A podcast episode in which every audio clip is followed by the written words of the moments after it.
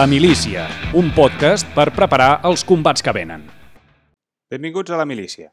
Us parla Josep Asensio. Aquest és el segon podcast que podeu trobar a l'espai que he obert a Substack, on també vaig penjant diferents textos, tots amb la mateixa voluntat d'entendre els combats que venen, siguin polítics, socials o violents.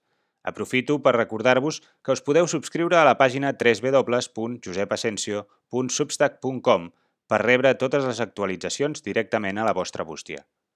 Avui parlarem amb Paul Moles, president de la Societat d'Estudis Militars i coautor del llibre Política de Defensa i Estat Propi, per comentar un llibre que tracta sobre el declivi de la guerra. Entre alguns intel·lectuals, aquells que Nassim Taleb anomena els II, Intellectual Yet Idiots, intel·lectuals però burros, traduït a la nostra catalana llengua, hi ha la tendència a creure que el moment històric actual és el cim de la civilització humana i que això ho demostra el fet que, d'ençà de la Segona Guerra Mundial, els conflictes armats han anat desapareixent del mapa. La idea seria que el capitalisme democràtic, després de derrotar la URSS, s'enyoreja arreu del món i això farà que la pau universal finalment regni per tot el planeta i menjarem anissos, etc. Only the Dead, de Per Braumuller, és una refutació que destripa un a un tots els arguments que defensen aquest món de piruletes. He volgut parlar amb Moles, analista en política de defensa i especialitzat en guerra naval, per enfocar des de l'arrel el concepte convencional de la guerra, com ha canviat al llarg del temps i per què, al costat de la lectura de Braumuller, és important tenir en compte que la fase històrica actual no durarà eternament. L'aproximació de Braumuller i la de Moles també posa l'atenció en la guerra com a fenomen que surt dels marcs occidentals, atès que fora de la nostra bombolla resulta clar que els conflictes violents no han deixat de succeir ni amb el final de la Segona Guerra Mundial ni tampoc amb el final de la Guerra Freda. Farem un repàs històric als motius de la guerra i a les seves característiques i mirarem d'explicar per què és important concebre la guerra com una qüestió que, ara, igual que en el passat, sempre és una amenaça per la qual més val estar preparat.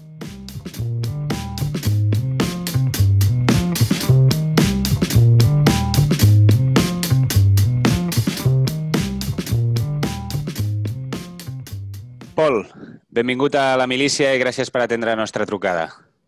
Moltes gràcies a vosaltres. Avui parlem amb tu arran d'un llibre que hem llegit tots dos, Only the Dead. Eh, el títol surt d'una frase que encapçala una de les primeres pàgines de George Santayana que diu Only the dead have seen the end of war. Només els morts han vist el final de la guerra, cosa que també ja et fa, t'introdueix una mica per on van els trets. L'autor del llibre, el professor Bert Braunmüller, explica que a partir de, de donar classes, de les preguntes dels alumnes, les que ell mateix es fa, li va picant la curiositat una qüestió que en els últims anys ha sigut relativament polèmica, debatuda en, en fòrums diferents, en àmbits acadèmics, periodístics. Aquí potser no ha arribat, no ha arribat tant aquest debat, eh, que consisteix en respondre una pregunta que a priori mm, semblaria senzilla, no? que és si és veritat que la guerra està en declivi o no. No? Hi ha diferents autors com Steven Pinker i John Mueller que diuen que cada cop hi ha menys guerres. Pinker fins i tot agafa, diguéssim, el tot i diu que hi ha menys violència al món i donen una sèrie d'arguments per, per defensar-ho. Doncs, eh, Braumoller el que fa és, en aquest llibre, doncs, eh, anar esmiculant tots aquests arguments i eh, al final eh, crec que no faré, o sigui, no, no serà un spoiler perquè eh, el llibre val molt més per totes les reflexions i per com explica eh, tot, tot plegat que la conclusió que és mm, que no, que no hi ha tal declivi, sinó que més aviat seria el contrari. Però més enllà de les conclusions, eh, et vaig demanar si podíem parlar d'aquest llibre, perquè em sembla una forma d'entrada, un, un pretext per entrar a fons eh, en una sèrie de temes al voltant de la guerra, temes que tu has estudiat, que, que, que domines bé, que t'interessen, i per això mm, m'agradaria començar pel principi. Eh, quina és la funció? Per què serveixen i, i per què han servit històricament les guerres? Val, doncs a veure, aquí, eh, primer, moltes gràcies per haver-me convidat. Eh, miraré de ser sintètic, tot i que, clar, és un tema sobre el qual eh, se'n reflexiona des de, com a mínim, fa eh, 2.500 anys. Eh, ja teca. Sí, sí, ja teca per estona i per escrit. Però, bueno, donat que no tenim gaire temps, doncs mirarem de sintetitzar una mica. En tot cas, en el, anirem directament a la, a la teoria sobre els que ja, ja han estat pensant. He seleccionat tot un seguit de, de pensadors poquets, però que crec que ens poden il·lustrar prou. En el cas d'avui giraré bastant al voltant de, al voltant de Tucídides, de, l'autor de la crònica de la guerra del Peloponès, de Karl von Clausewitz, l'autor de, de la guerra, eh, els, els llibres, per no dir el llibre per excel·lència sobre entendre la naturalesa de la guerra, en què consisteix, i també sobre l'historiador israelià Martin Van Creveld, que va escriure un llibre que juxtaposa el de Clausewitz, el de la transformació de la guerra, a finals de, a principis dels 90. En tot cas, la pregunta que em feia sobre això de quina és la funció de la guerra, doncs, si ens fixem en el que diria Calvo Clausewitz, eh, la, la guerra consisteix en sotmetre l'enemic a la nostra voluntat, que és voluntat política, o alhora evitar que ens, evitar que ens imposi. D'aquí la, el famós aforisme sovint citat i mal citat de que la guerra és una continuació de la política per altres mitjans. Està mal citat perquè, perquè sí, no, perquè no diu això? So... No, no, diu, diu això. El que passa que, com totes les coses que són eh, fàcils de, de reproduir, no s'acostumen al context en què ho deia. De fet, quan Clausewitz eh, diu això, eh, costa d'entendre al, llarg del, al llarg del segle XIX que això pugui ser així, de fet, per començar pels propis militars. I pels propis militars d'aquella època assumir que ells eren, bon, encara ara, que ells eren purament instrumentals, que hi havia una cosa per damunt d'ells i del concepte de la guerra en ell mateix, eh, seria quelcom eh, gairebé eh, una, una mena de profanació, una cosa de sacrílega. Uh. -huh. I, eh, I després es pot desenvolupar més. Però vaja, en tot cas, eh, quedem-nos amb, amb això, que la funció és sotmetre l'enemic a la nostra voluntat, o a la inversa, evitar que ell ho faci. Aquesta, aquesta és la funció. Llavors, eh, aquí, diguéssim, eh, hi ha tota un altre... Un, obrim un altre àmbit que seria quins són els motius, no? És a dir, val, mm. tu vols sotmetre'l, però per què? No? Exacte. Doncs aleshores, si anem a, a les causes o motivacions, eh, aquí, doncs justament això que deien que fa 25 segles que se'n parla d'això, eh, Tucídides anomenava, en citava tres causes principals. La por, l'interès i l'honor, que pot sonar una mica, una mica eteri, però si anem analitzant conflictes per conflictes, els podem trobar tots tres per separat o junts. I, eh, i alhora també en Martin Van Creveld, eh, just sobreposant-se al damunt de, de Clausewitz, diu que la, la part eh, política, evidentment, hi és, però també hi ha parts no polítiques, eh, motivacions no polítiques, com poden ser la justícia, la religió o l'existència. Aleshores, per com que tot això sona molt, molt teòric, anem mm. a buscar-ne alguns, alguns, exemple, eh, alguns exemples pràctics. El tema de, de la por eh, podríem anar, per exemple, al, el cas que ocupava de Tucídides, que és el cas de la guerra del Peloponès, el cas d'Esparta i els seus aliats contra Atenes i els seus aliats. Però això ho podem trobar fins al dia d'avui d'un possible conflicte en el cas de la, dels Estats Units contra la Xina. Aquests recels mutus del, sobre el creixement d'una de, de les potències respecte a l'hegemonia de l'altra. Crec que és l'exemple més clar del que és la, una guerra, la guerra Clar, aquí, si em permets fer un, un petit eh, parèntesi, aquí sí. també hi ha un, una qüestió gairebé de, de, de terminologia, no? perquè de vegades sí. parlem de guerres econòmiques, per exemple. No, no sé fins aquí... No? Ara, en el cas que estaves parlant d'Estats de, de Units i la Xina, no? que moltes vegades fins i tot es parla també d'una nova guerra freda, o, o això, o en, en termes econòmics. No sé eh, si això, diguéssim, és útil a, a, en, aquest, en aquest marc teòric que, que, que estaves explicant, o, o simplement és una forma de parlar, una manera de, de, de descriure una situació que, que podria desembocar en un, en un conflicte, però que de moment es manté en uns termes eh, eh, més eh, raonables, per dir-ho així. Sí, justament la, la formulació que fas del, del terme guerra econòmica, crec que ens porta a la situació present del, del, de l'ús i l'abús del terme guerra, de la desvirtuació de la paraula. Si anéssim a buscar una mica una, una definició, sintetitzant una definició d'altres autors, podríem, trobem que la guerra eh, seria el conflicte entre comunitats polítiques, siguin estats o no, on s'exerceix la violència organitzadament.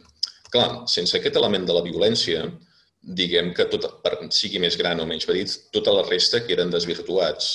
Per tant, ens trobem que en casos com aquests de guerra econòmica, guerra informativa, sí, són elements que hi són i han estat en tots els conflictes, però sense element, per dir-ho així, la matèria prima de la violència, mm, difícilment podem parlar de guerra. En el cas de Calbon Clausewitz feia servir el tema de la comparativa comercial del que és el pagament en efectiu.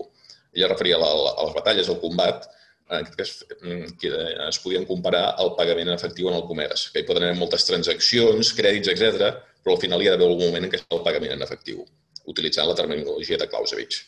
Val. I, el, digues, digues. No, no, t'anava a dir, doncs, seguim. Estaves posant com a exemple eh, de, del, els motius que, que poden dur a la guerra eh, ens hem quedat amb aquesta... Abans sí, que t'interrompés... Eh... No, no, ja fas bé, ja. que aquí ens, ens entusiasmem i fas, fas bé de centrar-ho. En tot cas, eh, l'altre motiu, el cas de l'interès, doncs en trobem de, de, de guerres per interès de, des, del, des de l'antiguitat fins al present. Eh, la mateixa guerra del, del Peloponès, l'expedició a Sicília, l'expedició dels atenencs eh, contra Siracusa, en el, entre el 415 i el 413 abans de Crist, que acaba en un fracàs pels atenencs, eh, és un exemple de, expedició motivada per la cobdícia, ras i curt. Era una, una expedició que difícilment es podia sostenir i que acaba en un fracàs i una derrota militar. Però ens trobem, en podem trobar també exemples en els casos de la, del procés de descolonització, la, el que es va anomenar com l'emergència de Malàisia, uh -huh. entre el 1948 i el 60, en què dins del marc d'una campanya de contrainsurgència anticomunista hi trobem el, el fons, que era Malàisia, és un, i segueix sent, era i segueix sent, un dels principals productors mundials de cautxú. Per tant, si allò quedava fora de control, doncs teníem un problema. Aquí un petit incís. Sovint parlem molt, de, molt del petroli com a element central, que ho és i ho ha estat en molts conflictes, però a vegades ens oblidem d'altres coses. En aquest cas, el cautxú, element principal per fer pneumàtics o cablejat, uh -huh. per exemple, en el cas de, del cablejat elèctric, doncs, eh, o de, això, o de calçat, fins i tot és un, és un element que va, va, conduir una, va conduir una guerra. Què més? L'altre element de Tucides, el tema de l'honor, que pot sonar estrany, però, però hi ha guerres que s'han conduït per honor. En el cas de la guerra de les Falklands, o Malvines pels argentins, aniria per aquí. La, la guerra de les Falklands no tenia cap mena de sentit, cap ni un, que salvar la cara de la Junta Militar Argentina. En res igual, allò no tenia cap mena d'interès estratègic. Uh -huh. I, um, o, per exemple, les famoses infaustes guerres de prestigio de la dècada del 1860 d'Espanya de, en les antigues colònies, que acaben en molts casos com, com fracassos. Això hi, hi és present. Eh, doncs bé, trobem, trobem casos com en... Anem trobant exemples de, la, de la Tucídides al llarg de tota la història. Eh, és, és, el que, és el que el converteix en un clàssic, el fet de que unes causes cercades 2.500 anys enrere les seguim trobant en conflictes al llarg de la història. Perfecte. Llavors, eh, aquestes serien les que posa sobre la taula eh, Tucídides i després comentaves que Van Krevel eh, se centra més en qüestions més polítiques, no? Sí, eh, polítiques i no polítiques. En aquest cas, és a dir, Van Creveld no és que faci una esmena a la totalitat a von Clausewitz, però entén que, i aquí hem de fer un altre incís, que Van Creveld, ai, Carl von Clausewitz eh, deia que els elements, la tríada remarcable de la guerra són la, la, la trinitat clausewitziana, són el govern, el poble i l'exèrcit i com es deriva la forma de fer, de fer la guerra va en funció d'aquests tres elements. Però Van Krevel el que diu és que hi ha més motius per fer la guerra que no només la, que no només la política. En el cas de motius polítics en trobem, per exemple, eh, podem trobar les guerres d'unificació d'Alemanya entre el 1864 i el 1800, eh, 1871. O podem, eh, però si anem a les altres causes no polítiques, com el cas de la justícia, podem trobar guerres al llarg de la història com la, la guerra dels remenses, aquí, les diferents guerres remenses aquí a Catalunya, entre els segles XIV i XV, o de descolonització de, la, després de la Segona Guerra Mundial.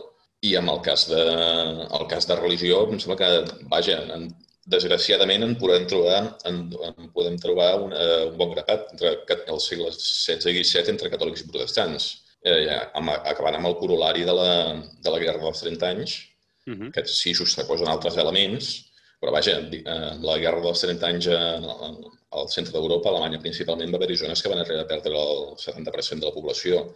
Actualment podríem trobar el tema del, del xiisme i el sunisme, que és bastant present a les, als informatius, o, o fins i tot, aquí un dels punts que, que el Van Creveld, que també és un, un autor bastant polèmic, planteja el, en les guerres de religió podríem trobar-hi també la democràcia eh, versus les autocràcies, que a vegades planteja el tema de democràcia com, un, com una religió a expandir i, eh, i, bé, i, ha, i ha portat altres conflictes en tot, sense desmereixer el que és la democràcia. Eh? I si passem finalment al punt de, de les guerres de, per l'existència, doncs vaja, el, el cas més recent tot el tindrem present, el cas del, del Kurdistan. És un element visible que, que estava lluitant per, per això, perquè no els exterminessin. Però si tirem una mica més enrere, no gaire, trobem les guerres, en, en les tres primeres, tres primeres guerres d'Israel. La de la guerra de la independència, la guerra dels sis dies i la, la guerra de Yom Kippur en què Israel lluitava per la seva existència. De fet, ara, ara m'has fet pensar eh, en el conflicte, abans de, de començar a gravar en parlàvem, eh, el conflicte més recent de Nagorno-Karabakh, en, sí. Els armenis, eh, fins a cert punt, eh, en parlàvem amb l'Abel Riu, també s'ho plantegen com un, com un conflicte per l'existència, no? Sí, sí, efectivament, els armenis, i diguem que tenen prou inputs històrics com per plantejar-s'ho així, doncs eh, hi ha el punt aquest d'amenaça existencial, que es materialitzi o no ja és una altra cosa, però diguem que el currículum històric dels seus veïns eh, dona per això, per tenir aquesta percepció. Per tant, eh, aquestes una mica has fet un, com un desplegament de, totes, de tots els motius. Més endavant parlarem d'un un factor, diguéssim, un, una coordenada que ens falta, que és l'ordre internacional, que, que el, en el llibre de Brau Müller, diguéssim, que és, tanca una mica el llibre i, i acaba explicant en, en què es vincula no? a la guerra i, i, i l'ordre internacional. Però sí que també, per acabar aquesta, aquesta primera part, tu has volgut eh, remarcar que, bé, que, que la guerra en si ha de tenir l'element de la violència, jo el que et, et volia preguntar és, eh, per tant, diguéssim, tot això, aquests eh, apèndix que es posen de vegades, econòmiques, eh, d'informació, etc, veig que no ho compraries massa, però no el, que sí que, el que sí que volia preguntar-te és una mica en, en, en, per l'evolució de, la, de, de la manera de fer la guerra, en el sentit de, per exemple, eh, bueno, hi ha aquell, aquell tractat de William Lynn, no? que parla de les sí. diferents generacions de guerres, no? És a dir, sí. amb això no, no sé si realment eh, podem veure que, que, que hi ha una evolució. No sé si tu, a nivell teòric, això sí que, que ja estàs més d'acord o no. És a dir, el que, i em sembla que el Van Krevel també ho, ho diu una mica, quan, perquè em sembla que era un altre llibre, no sé si anterior o més o menys de la mateixa època, que parla del declivi de l'estat-nació, no? I, sí, i una, correcte. I, I justament per el, el, el que diu ell és que hi ha com una emergència d'un uns actors no estatals, que són els que, els que, que sempre hi han sigut, òbviament, vull dir, no, no és una, una cosa, no és una novetat, però potser sí que eh, és veritat que actualment els conflictes, i, i amb això és una cosa que, que en, en, en el llibre de Braumoeller no, no hi surt massa, no són ben bé o no són sempre eh, conflictes entesos convencionals entre dos estats, sinó entre guerrilles o guerrilles proxy que actuen en substitució de, de les forces militars dels, dels estats. No, no sé si això eh, et, convenç, et, convenç, et convenç més que no pas a aquestes, a aquests tipus de guerres més eh, ateris que, que dèiem abans. Sí, l'exposició que fan en, en William Lynn i en, i en Van Krevel la comparteixo bastant, tot i que eh, no crec que, uh, per exemple, quan parla de les quatre, quatre generacions de guerres, uh. -huh. no crec que la tercera, que seria la, la que entendríem com a guerra industrial i eh, eh, convencional de, de maniobra, mm, acabi de ser substituïda per la guerra de quarta generació de les guerrilles. Més aviat que coexisteixen les dues eh, si ens trobem... Evidentment que hi ha hagut una transformació, una transformació eh, a causa de l'evolució social i de l'evolució tecnològica. Això és, és un fet i és, ja es pot, es pot constatar només que mirem des de l'era de napoleònica fins ara, que hi ha aquestes, quatre, eh, aquestes quatre generacions, però que en el que crec que es va veient a mesura de que es van escriure aquests llibres, que eren entre els 80 principis dels 90, és que hi ha, hi ha una coexistència de les dues. I podem posar com a cas, com a, com a cas d'estudi el conflicte d'Ucraïna. Hem vist que hi ha això l'element proxy, però també hi ha l'element de, la, i l'element d'insurgència, però hi ha l'element de, de guerra convencional. Hi ha, actualment el conflicte d'Ucraïna porta, el del, del Donbass, porta uns 13.000 morts. Però eh, això s'emmarca en períodes molt breus, molt breus de temps, però que els paràmetres de, i les estadístiques de baixes i de consums de munició, etc coincideixen amb les, amb les de guerres convencionals, com podria ser la del, del Yom Kippur.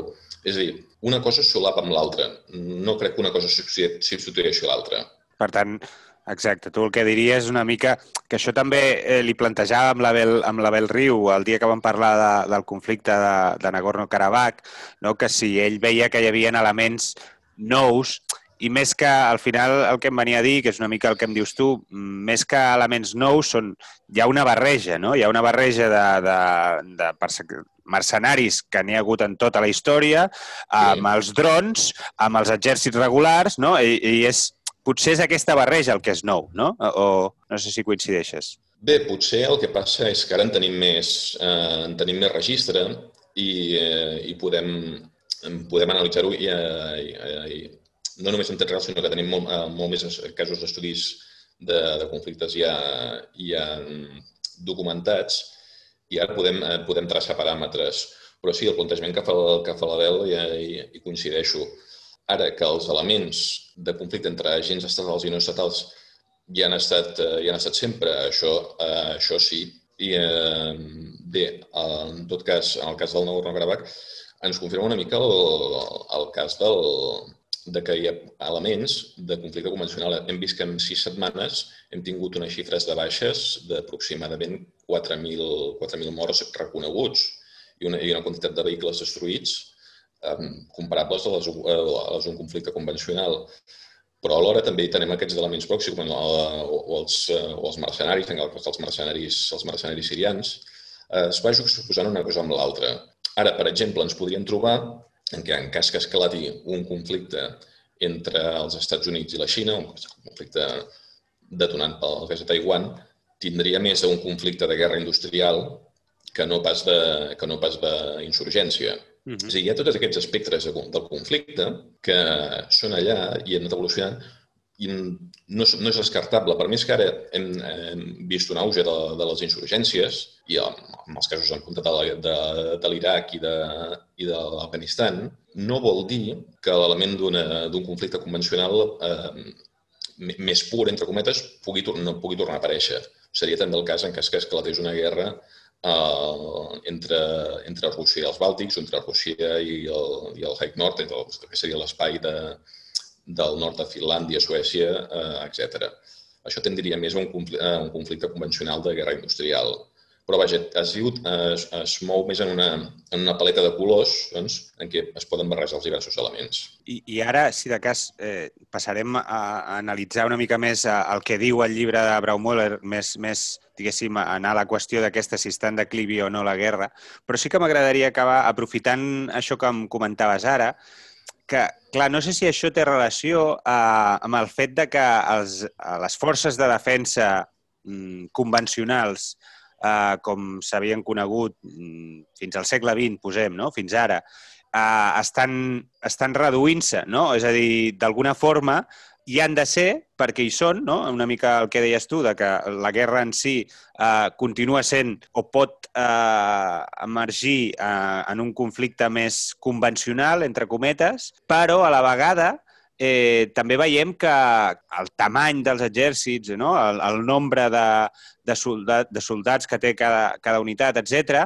això es va reduint. Tu creus que això és, és una tendència que, que està, es quedarà o, o que és un moment un moment puntual de la història en el qual, doncs, eh, per les raons que siguin, eh, això és, eh, passarà. És, un, a veure, és una tendència en un marc. I en aquest marc és el marc del final de la, de la Guerra Freda, en què tothom vol recollir el dividend de la pau i estalviar-se els, els costos de grans exèrcits preparats per, per una guerra industrial. És a dir, em centro en el cas d'Europa de, i l'espai postsoviètic, en el marc de la Guerra Freda, en què les xifres comptaven. Ara bé, quan això s'acaba, s'acaben els, eh, els grans exèrcits de, de conscripció eh, o, van a, o van a la baixa, però veiem que hi ha alguns casos en què això no passa i altres en què es reverteix aquesta tendència. M'explico. En el cas de, en el cas de Finlàndia, sí que és cert que es va reduir la xifra d'efectius, però es manté el model de, de servei de conscripció. Per què? En aquest cas, pel seu registre històric i, i, i pos fonamentades del veí que tenen. I clar, en el cas de que Finlàndia tingués una guerra en Rússia, els números compten. I en el cas dels Bàltics, tot i que inicialment es va, es va optar per models, per models professionals, veient com anaven les coses, també estan restablint la, la conscripció. És a dir, hi ha casos de països en què la, malgrat el factor tecnològic, etc., es veu que les xifres compten. En el cas de Suècia, eh, restablirà un model de conscripció selectiva més proper al noruec o al, de, o al danès, però compta amb eh, que aquí, amb la il·lusió fonamentada dels anys l'optimisme dels 90, principis dels 2000, de que una gran guerra semblava, semblava esvair-se a, a la zona d'Europa o eh, també Rússia, veiem que des del 2008, des del conflicte de, de Geòrgia, aquesta tendència es posa en entredit. Uh, sí que és cert que el factor tecnològic fa que requereixin menys, uh, menys soldats que es podia uh, requerir, per exemple, en la Segona Guerra Mundial i alhora el cost de la tecnologia també obliga a que, les, uh, que, els, a que els costos en personal s'hagin de baixar, però això no fa no fa que el factor del, el factor del personal s'hagi de treure de l'equació. És més, en cas que hi hagués un, un altre conflicte convencional, la majoria d'exèrcits de, europeus no estarien gaire preparats per encaixar les baixes que, que hi ha en aquest tipus de conflicte. I en el cas, de, en el cas del, de la guerra del Donbass, això ha estat sent prou indicatiu. Batalles com, com les d'Iliobansk o de l'aeroport de Donetsk, en què, per exemple, l'artilleria russa va carregar-se un batalló sencer de, de, les, de les forces ucranianes en qüestió de 5 minuts, batalló estaríem parlant d'aproximadament uns 500 efectius. Eh? Mm -hmm. Clar, això ens dona una idea del que, del que segueix sent la guerra, en aquest cas amb un marc molt reduït, però que les xifres compten. O sigui que cal agafar molt de cura el tema de que els exèrcits ara sempre seran petits i sobretot tot serà tecnològic. És una mena de mantra.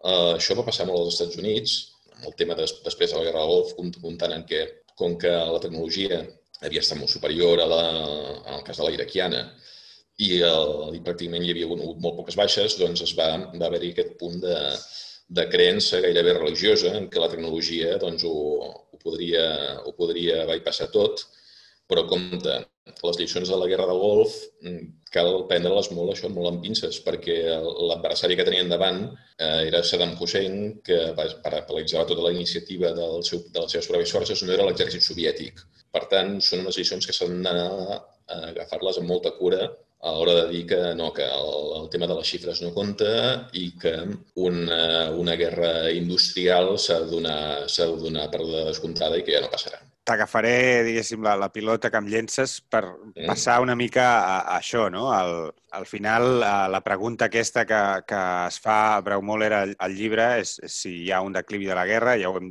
ja ho he avançat. La resposta sí, és que no. És no? Que no. I, de fet, eh, volia començar agafant...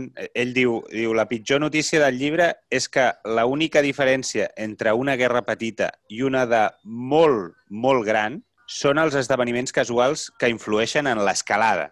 No? Que això és, és un, una cosa que em va sobtar quan el vaig llegir. Suposo que tu, doncs, que ja estàs més, sí. estàs més uh, entrenat, doncs uh, ja, ja no et devia sorprendre tant, però el, el factor de la sort en el fet de que una guerra uh, que és mm, petita uh, pugui escalar de forma uh, brutal mm, sense cap mena de control pels, pels combatents, eh, em va semblar, em va cridar l'atenció. Sí, no, el Google Amor mm, no, no ho repetirem ara amb el tall d'ell, però, però sí que és cert que l'element de la sort i dels, dels factors que porten a l'escalada eh, són molt més, eh, molt més perillosos que no semblen. És a dir, és l'exemple de, de tenir un, un bosc ple de, ple de costolls que a la mínima que, que hi cau una espurna doncs, doncs poden passar coses.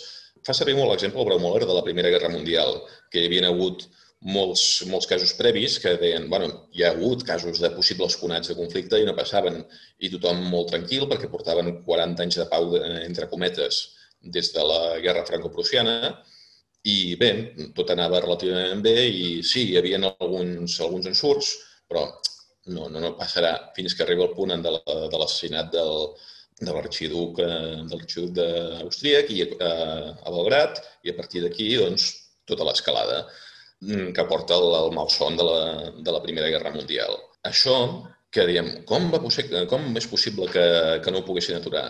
Bé, això ho diem amb, amb una visió d'ara, eh, sí, eh, tot, tot això que va portar aquell, eh, aquella escalada i aquell conflicte demencial podria passar ara perfectament.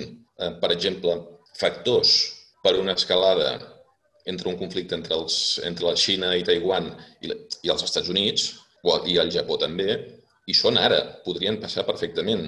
Tot depèn de quin punt estigui la temperatura i com el joc d'una banda, en el cas de la, de la retòrica i la desesperació que hi pugui haver, eh, o percepció d'amenaça que hi pugui haver el, per part del govern xinès, i per l'altra, en el cas del control de la situació que puguin tenir, eh, que puguin tenir des de Washington, pot frenar-ho o accelerar-ho. Eh, això podria, podria passar perfectament, i més ara amb que les notícies arriben eh, de forma bastant, bastant immediata, eh, ja abans fins i tot de les xarxes socials, eh, hi ha un element que és coincident amb el cas de l'escalada de, la, de la Primera Guerra Mundial, que seria l'element de l'opinió pública.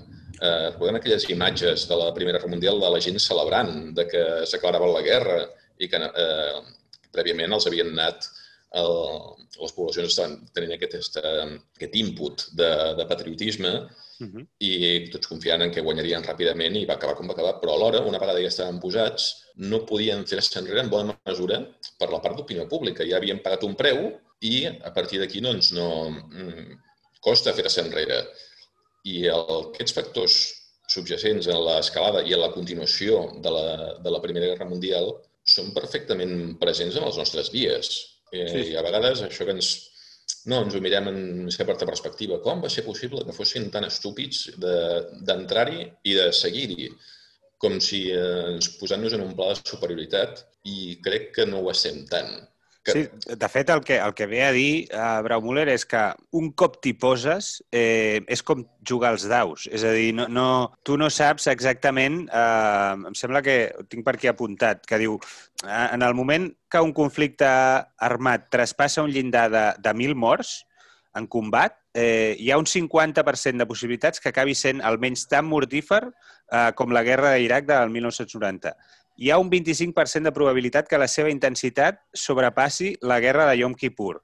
Hi ha un 10% que sigui més mortífera que la guerra de Corea. I hi ha un 1% que sobrepassi la mortalitat de qualsevol de les guerres dels últims 200 anys. És a dir, és, és com, no sé com dir-ho, jugar a la, a la ruleta. Vull dir, és, és un exemple que sí. mal m'està a dir, no? Perquè al final... Però que a mi això, aquest, aquest aspecte em va, em va, em va cridar molt, molt l'atenció. Sí, és, és molt, molt útil, molt instructiu el llibre en el sentit de, per dir-ho planerament, baixar-nos els fums. Que el punt aquest de la, de, que ens creiem que per els grau de civilització al que hem arribat no poden passar més coses d'aquestes. I, de fet, el mateix Clausewitz ho deia, que, el, la, que en els seus termes, que les diferències eh, sobre l'animositat en una guerra no van tant per una qüestió de, per una qüestió de que les, les, nació, les nacions siguin civilitzades o salvatges, i ho deien els termes del segle XIX, però va més en una qüestió de les, de les motivacions dels combatents. I, efectivament, això, el que plantejava Brau de que un cop passes la xifra del miler de morts, en, intenta convèncer la resta de, de conciutadans de que has de posar el fre la, la, capa de, la capa de racionalitat pot saltar més ràpidament del que no, del que no sembla.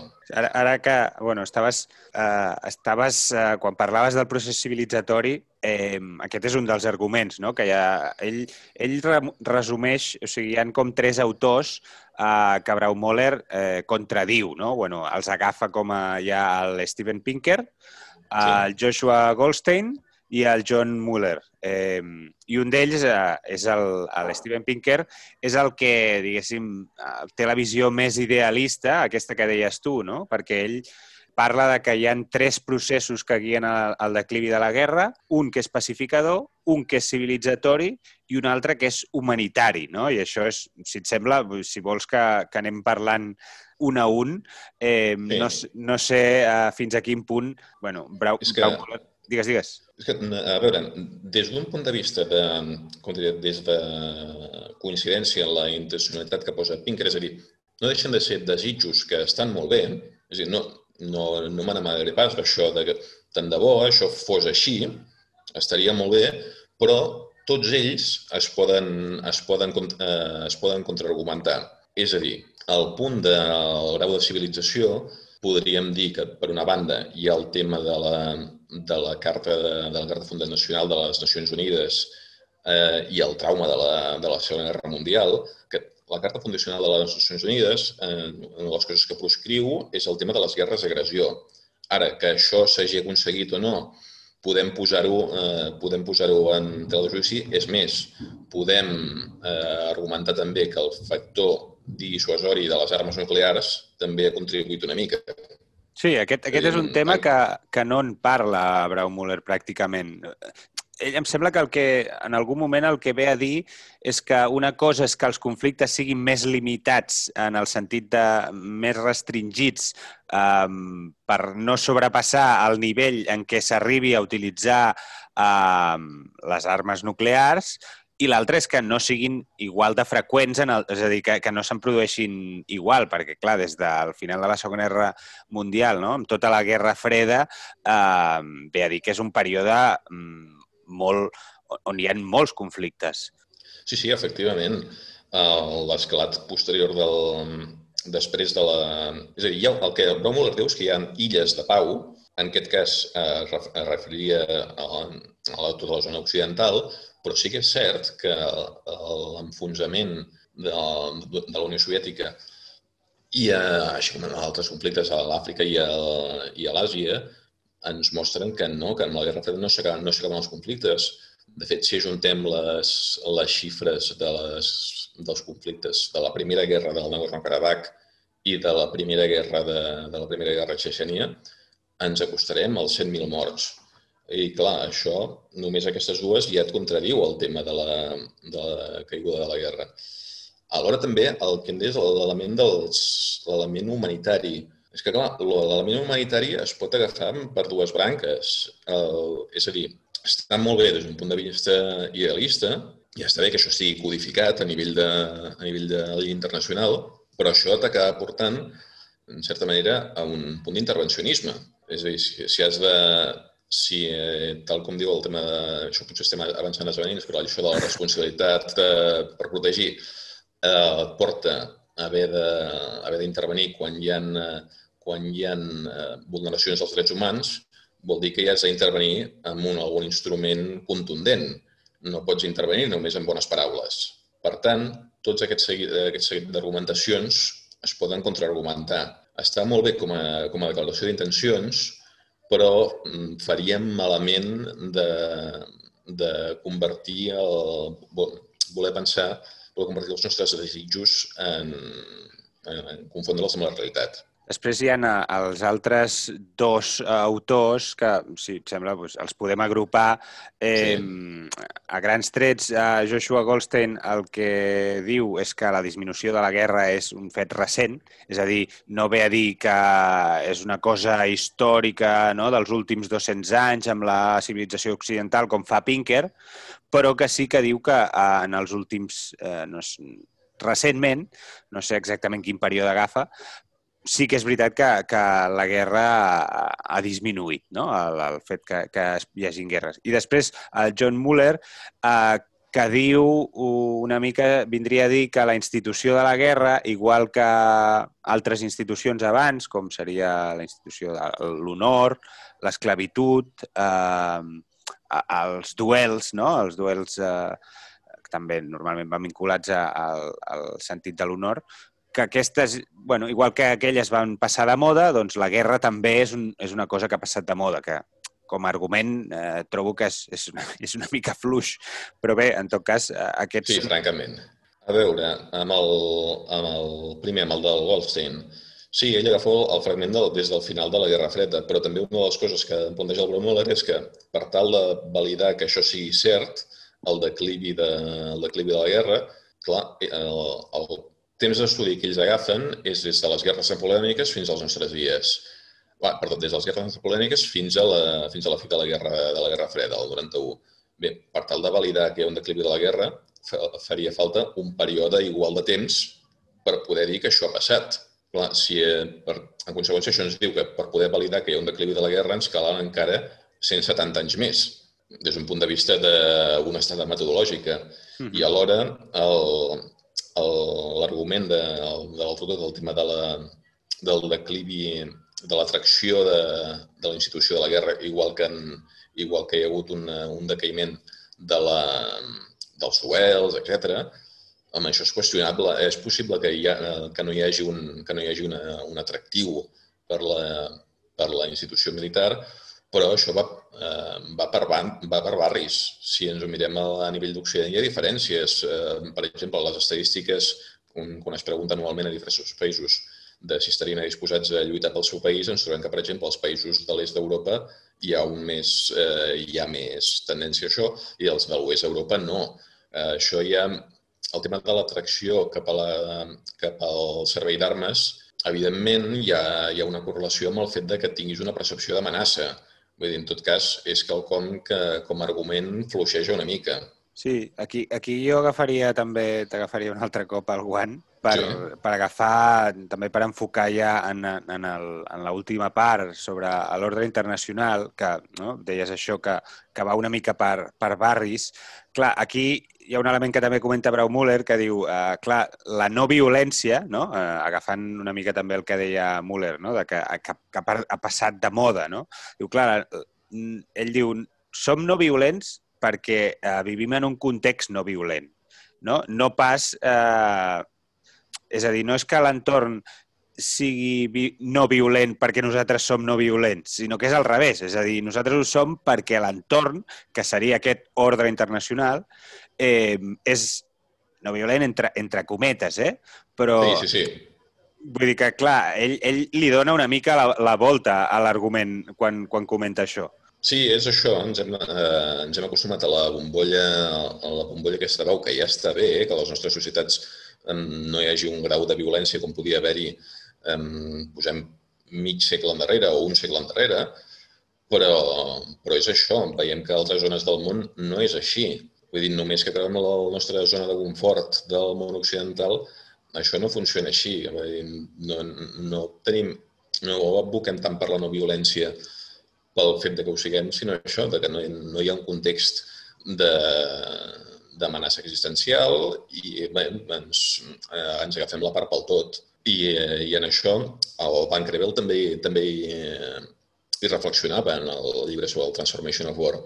I comentava que eh, ara ja des de la, la guerra és ben viva i tots els pobles que no vulguin mirar els fets de la cara i lluitar per la seva existència senzillament desapareixeran. Ho planteja ell l'any 91, si no recordo malament, i, eh, i vaja, si ens agafem el cas dels kurds, doncs, eh, eh, els, o dels armenis veiem que, que vaja, té bastant sentit. Potser en el tema de la no violència ens hem agafat la part, la part pel tot. I no crec que si els anéssim a explicar això als kurds, si, eh, que en el cas de la defensa de Kobane o la lluita contra l'estat islàmic haguessin anat a dialogar o fer servir mètodes no violents, doncs segurament ens haguessin fet fora patades, no? I amb, i amb raons. Sí, i això, i això eh, també doncs eh, ho aprofito perquè al final, eh, quan parlem de, del context, eh, com deia, eh, el que estem parlant és d'un ordre polític concret, l'ordre que va sorgir després de, de la Segona Guerra Mundial, no? Eh, I llavors, eh, aquí el plantejament que fa Braumuller, eh, agafant una mica el que deia la meva pronunciació, eh, Charles Tilly, Tilly, no sé si és... Sí, Charles Tilly, sí. Charles Tilly eh, el que deia és eh, la guerra eh, ha fet l'Estat i l'Estat ha fet la guerra, en el sentit de que eh, un cop eh, la pau de Westfàlia, diguéssim, que ve després de la Guerra dels 30 anys, és el que, eh, és el, el que enceta el procés per la creació de l'estat-nació modern, entre cometes, i després sí. d'això eh, els estats es fan grans a través de la guerra. És a dir, que no? la, la guerra sí, fa sí. Sí, sí. I el, el que diu Braumoller eh, és que eh, un ordre polític internacional és molt similar a un ordre polític domèstic. No? És, és un intent de crear un conjunt de normes amb què tothom pugui viure i eh, al fer-ho doncs, que, que, que no hi hagi s'escapi als perills d'un món anàrquic i sense llei. Però clar, aquí el que diu Grau Müller, eh, tot això ara m'ho matisaràs i li posaràs tot el... Sí. És que eh, Ara mateix tenim un, un ordre, diguéssim, un ordre internacional, que seria, diguem-ne, l'ordre occidental liberal, eh, i llavors tot, tots els que, els que estan a dins, eh, sí que és veritat que quan hi ha un, un paraigües així, eh, hi ha menys, menys probabilitat de, de guerra. Però, clar, eh, eh, els que estan fora, tu, tu estàs creant la, la, la, la necessitat no seria la paraula, l'oportunitat o estàs creant el, les, el context pel que, eh, perquè el, les, els països, tot el que quedi fora d'aquest ordre internacional, pugui eh, entrar en guerra amb tu o tu amb ells. I si no hi ha un sol ordre internacional eh, i n'hi ha més d'un, llavors el que hi ha és eh, guerres entre aquests eh, dos sistemes de, de, de països, no? És, és a dir, que que sí que hi ha una illa de pau entre cometes eh, durant un cert eh, període i, i en aquesta bombolla concreta, però que això no treu que, que la guerra s'hagi acabat. Vull dir que no, no, no, una cosa no, no porta a l'altra, no? M'he embolicat no, una no, mica, eh? M'he embolicat no, una no, mica. No, no, però, això, no, no, però ho, has, ho has resumit prou bé. Ho has resumit prou bé. El, sí, és cert, el tema dels sistemes internacionals, i ja abans del sistema posterior a la, a la Segona Guerra Mundial, una de les, coses que fa molt esment el Brau Moller és el tema del, del trauma, del, de l'impacte, de, el trauma inicial a partir del qual fa que surti un ordre internacional, no, no només del, no només del el cas de l'ordre posterior a la Segona Guerra Mundial, també eh, si ens fixem en l'ordre sorgit del Congrés de Viena, el 1814-15, venien del trauma de les guerres napoleòniques, amb una devastació arreu d'Europa que podria haver arribat tranquil·lament als 4 milions i mig d'habitants de, de, de morts eh, durant aquells 23 anys de guerra.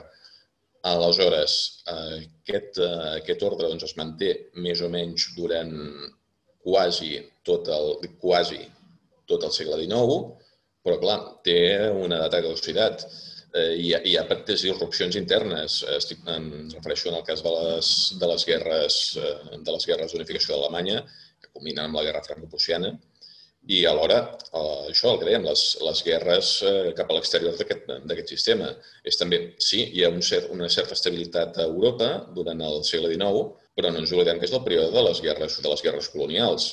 Diguem, però el segle XIX, tant a l'Àsia com, al, com a l'Àfrica, no va ser precisament pacífic. I això, el, en l'actualitat, doncs, que hi hagi la coexistència de diversos, de diversos sistemes internacionals, doncs estaríem parlant com si haguessin diversos sistemes operatius diferents. Si hi ha diversos sistemes operatius a la que, eh, a la que entren en contacte és possible que hi hagi disrupcions. No? Doncs, en aquest cas, si hi ha un ordre internacional occidental i un, i un ordre, com en podríem dir, més autocràtic, eh, representat per la Xina, per Rússia i, eh, i tota, aquesta, tota aquesta bombolla, doncs eh, és d'esperar de que a banda d'una competició puguin haver-hi serrells pel, pel conflicte. Crec que enllaçant una mica amb tot el que planteja, planteja Muller. I és per això que cal ser molt prudents a l'hora de dir que la guerra ja la podem posar a la paperera de la història. Sí, aquí, aquí el, el concepte que, que va tractant tota l'estona és, és que eh, el concepte de legitimitat, no? Eh, diu, els ordres internacionals depenen de la legitimitat eh, Eh, I aquesta legitimitat eh, en què es basa? en el cas, per exemple, de, de l'ordre, diguéssim, aquest occidental que, que ell posa no? en, el que, en el que vivim ara, eh, quins, quins valor, no? en què es basa la seva legitimitat? Perquè llavors eh, entrem amb, amb el que estaves comentant abans, no? d'això de, de la responsabilitat de eh, protegir les, eh, les minories en, en alguns casos, eh, protegir els drets dels ciutadans d'altres països. Clar, en, en, què, en què es basa la legitimitat d'un ordre internacional?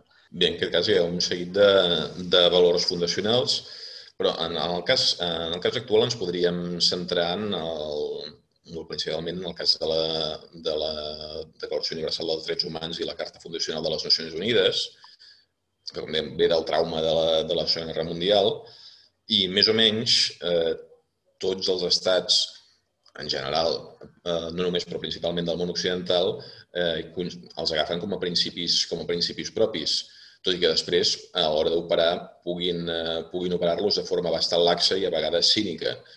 Però, el, diguem que aquest seguit d'elements hi són eh, justament amb això del tema del, del, de l'R2P, de la responsabilitat de protegir, clar, aquí tenim un element que pot generar una, una disrupció en els, en els sistemes, per dir-ho així. Eh, és a dir, això de, per concretar, per, per qui ens està escoltant, tinguin una, tinguin una idea, el tema de la responsabilitat de protegir es basa en tres elements. D'una banda, el, el, el concepte de protegir és una, una, un concepte que va desenvolupar les Nacions Unides el 2005, que diu que les, el, cada estat té l'obligació de protegir les pròpies poblacions contra crims, contra crims de guerra, crims contra la humanitat, genocidis i neteja ètnica. Alhora, ha de, la comunitat internacional també ha d'encoratjar i ajudar aquells estats que vulguin assolir aquest objectiu i alhora que en cas que un estat eh, falli en assolir aquest objectiu, que hi hagin violacions flagrants dels drets humans, doncs, i en, sota el mandat de les Nacions Unides hi ha el deure d'intervenir de forma, de forma ràpida per tal d'evitar coses com el que vam viure a Bòsnia, que tothom deia que s'ha de fer alguna cosa i al final no es feia res, i 150.000 morts. Clar, això obre la porta a un, a un element d'intervencionisme. Per més que pugui semblar paradoxal, eh, veure, eh, dir intervencionisme quan es tracta d'una qüestió de drets humans, clar, és que si has de, si has de anar a ajudar, entre cometes, el, el primer és imposar la pau, i la pau no s'imposa amb bones paraules només. I ens, ens trobem, per exemple, en el cas del conflicte de Mali, que la intervenció principalment francesa, però és una intervenció internacional, en el cas del conflicte de Mali el, el, el 2013, ve sota el recolzament d'una resolució de les Nacions Unides. I a partir d'aquí la cosa no s'ha no acabat de tancar mai, eh, mai del tot, encara hi seguim, però ve d'una resolució de les Nacions Unides. O també la, el, el conflicte de Líbia, la intervenció a Líbia del 2011, ve en bona mesura de... Bueno, l'argumentació era protegir els civils, però a partir d'aquí les coses després es descapdellen. O sigui, Bueno, per la mateixa ha... dinàmica que comentàvem abans, no? que sí, sí, sí. en el moment que, que comença... Uh, en el moment que comença, doncs, les guerres saps com comencen, però no saps com acaben. De, de fet, sí, ja, es pot decidir quan s'acaben, però es pot decidir quan s'acaben o rendint-te o retirant-te. I clar, aquí mm, el tema de salvar la cara també, també pesa, el tema de l'honor que dèiem abans. Doncs són elements que, que hi juguen i que hem de tenir presents i que a vegades darrere les, darrere les bones paraules o les bones intencions eh, hi ha l'altra la, cara de la moneda i s'ha de tenir molt, molt present el que es vol fer quan es diu d'anar a fer alguna cosa. El, el cas, el cas de, de Bòsnia aquí era molt clar, es va, la, la resposta va tardar molt en arribar, però això, el cas de la guerra de Bòsnia, ens, com que no hi havia un objectiu clar, no hi havia uns paràmetres d'actuació per les forces d'interposició, i ens trobem d'una banda en casos lamentables com el de Rebrenica o en casos com el de la zona de control dels, del, del batalló de països nòrdics, en què van aturar, van aturar eh, accions de crims de guerra contra la, contra la població civil. Ens trobem aquests, eh, aquests contrastos, senzillament perquè no hi havia unes normes d'enfrontament clares i ningú sabia ben bé què havien de fer les Nacions Unides. Bé, uh, clar, en, en aquest tema de, de l'ordre internacional, al final, eh, el que queden són, són preguntes que tampoc no són futuròlegs i, i no, vull dir, no, no les podem respondre, però sí que és evident que sembla que en els últims anys hi ha com una mena de... Clar, el que diu Braumüller és, és el que dèiem abans, no? Eh, normalment ha, acostuma a haver-hi eh, la, la urgència de la pau, just després d'un gran conflicte. No? Normalment es reordenen, els sistemes internacionals es reordenen o s'equilibren o, o digue-li com vulguis, eh, justament després d'un gran conflicte. Clar, ara estem veient que eh, hi ha el tema de la Xina, eh, hi, ha, hi ha Rússia, hi ha, hi ha l'aïllacionisme o, o el, inclús diria el conflicte intern eh, dins dels Estats Units no? sobre com, com actuar eh, de cara a, la seva política exterior. Eh, I, per tant, eh, clar, hom, de vegades et planteges si és que fins que es, tota aquesta situació, si realment s'acabarà tensant tant, tot plegat, que eh, perquè tot hi hagi un altre cop, eh, el, el, tot tingui un cert equilibri, hi ha, de, hi ha de tornar bé, no ho vulguem pas, eh? simplement eh, que de vegades, seguint una mica amb el que deia Brau Müller, et preguntes si és que eh, sembla com si anéssim encaminats a que hi hagi d'haver un conflicte perquè es resolguin les tensions que, que, que hi han, eh, bueno, que, que són presents eh, eh, actualment, no? A veure si la, les inèrcies hi són.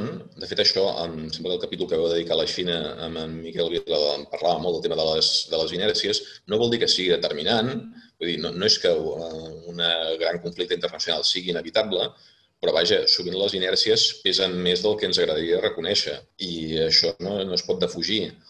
Uh, en el cas del, del que hi hagi un conflicte perquè, perquè es resolguin aquestes inèrcies, Eh, bé, aquí eh, hi entraria un, un altre autor que, que havia contactat alguna vegada, l'Edward Ludwig, uh -huh. que parlava del, eh, tenia un article molt polèmic de finals dels 90, que es deia Give War a Chance, eh, allò donar-li una oportunitat a la guerra, en, en contrast a la, la, cançó de, la cançó del Lennon, del uh, Give, Peace a, uh, Give Peace a Chance, eh, i parlava d'això, de que sovint la interrupció de conflictes amb bones intencions l'únic que fa és perpetuar-los Uh, no és un, és un article dur, però tampoc descarnat. És a dir, el que ve a dir és que sí, s'ha de protegir la, protecció, la població civil, s'ha de mirar que els, que els desplaçats no es converteixin en, en refugiats a perpetuïtat, però els conflictes, si es poden resoldre d'una vegada, potser és la manera de després poder construir la pau posteriorment. És a dir, havent guanyadors i perdedors, eh, sempre protegint la protecció civil i evitant les, les atrocitats, però resolent-los. Eh, és, és un article dur que del qual recomano la lectura, però hi fa unes, una, unes reflexions inter, eh, interessants. Poden ser paradoxals, però mm, si ens veiem, eh, ens posem a mirar conflictes com el de, com el de Síria, al qual ja portarem ara aviat 9 anys, doncs ens trobem tot aquest seguit d'elements. Si el conflicte es pogués resoldre de forma decisiva, seria una manera de que la gent pogués tornar a casa, de que, d'altra banda, privar Erdogan d'una de les seves armes de pressió a Europa, que és el tema dels refugiats, eh, etc. Però ens trobem un conflicte enquistat i, i anar fent. Es fa difícil eh, argumentar això perquè, clar, una guerra té conseqüències cruentes, però alhora, mm, quin preu és pitjor? Eh, perpetuar-la? No sé, són reflexions que ens hem de fer. No som futuròlegs, però és això. Ho hem de, ho hem de tenir present. Ara, Faria ser una expressió, em deuen perdonar en castellà, però crec que és, que és, eh, que és prou, prou indicativa. Sabes allò de mm, vale más una vez morado que cien amarillo? Doncs... No havia sentit aquesta, no? doncs això. Està bé. De...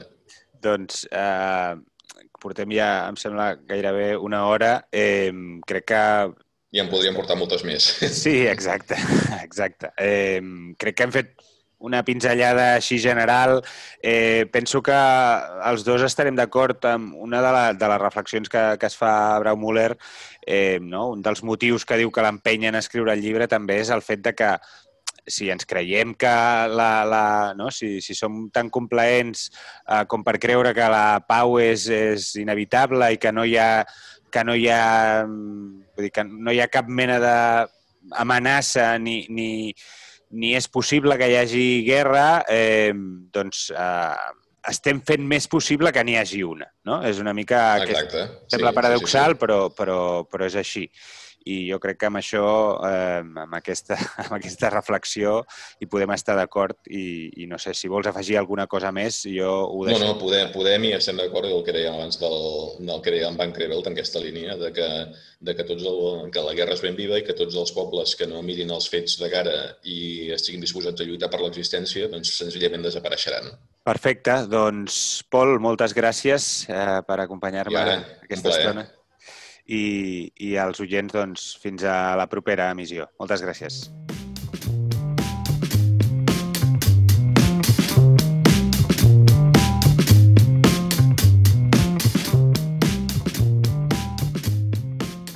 La milícia, amb Josep Asensio.